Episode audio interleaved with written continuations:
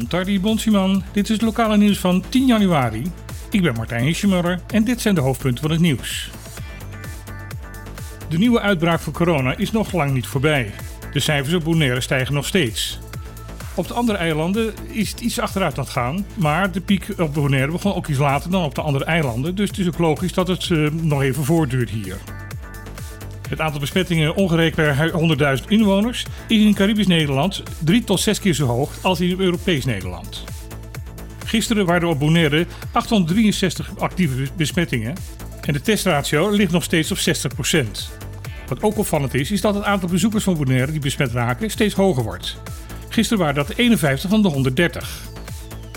Wat ook opvalt is dat het aantal ziekenhuisopnames nog steeds vrij laag blijft.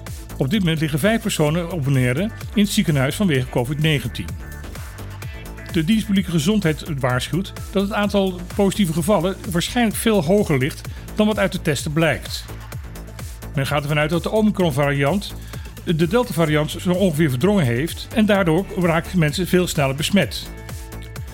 Ondanks dat de Omicron-variant waarschijnlijk tot minder ernstige klachten zal leiden, zal door de grote aantallen de druk op de zorg wel kunnen toenemen. Publieke Gezondheid merkt ook dat mensen op Bonaire steeds vaker gebruik gaan maken van een zelftest.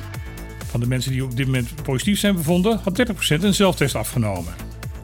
Publieke Gezondheid benadrukt dat het belangrijk is dat ondanks dat een zelftest positief is, er ook nog een PCR-test gedaan wordt, zodat de publieke gezondheid overzicht over de situatie kan houden. Ook op Curaçao is de situatie zorgelijk, zeker rondom het ziekenhuis. Men meldt daar dat ongeveer 200 personeelsleden van het ziekenhuis momenteel thuis zitten omdat ze ziek zijn of dat ze in quarantaine zijn. Onder andere daardoor kunnen er maar 10 van de 16 IC-bedden gebruikt worden op dit moment. Ook dat legt dus een grotere druk op de zorg in Curaçao. Het ziekenhuis is op dit moment in afwachting op 12 artsen en verpleegkundigen van het Amerikaanse uitzendbureau AMI, die enige verlichting moet gaan brengen in de IC-zorg. Dan ander nieuws dan corona. Gedeputeerde Kroon heeft gepleit voor een andere toekomst voor het BOPEC-terrein. Hij zegt dat het duidelijk is dat er geen overnamekandidaat gevonden zal gaan worden om de huidige activiteiten op het terrein voor te zetten. De curator doet volgens Kroon zijn uiterste best om opvolger te vinden, maar die heeft zich tot nu toe nog niet gemeld. Daar stelt de gedeputeerde voor om uit te gaan kijken hoe het terrein van BOPEC anders gebruikt kan worden. Kroon denkt onder andere aan havenactiviteiten voor de overslag van containers. Grote schepen zouden dan containers kunnen aanvoeren, die dan overgeplaatst kunnen worden naar kleine schepen voor het transport naar de regio.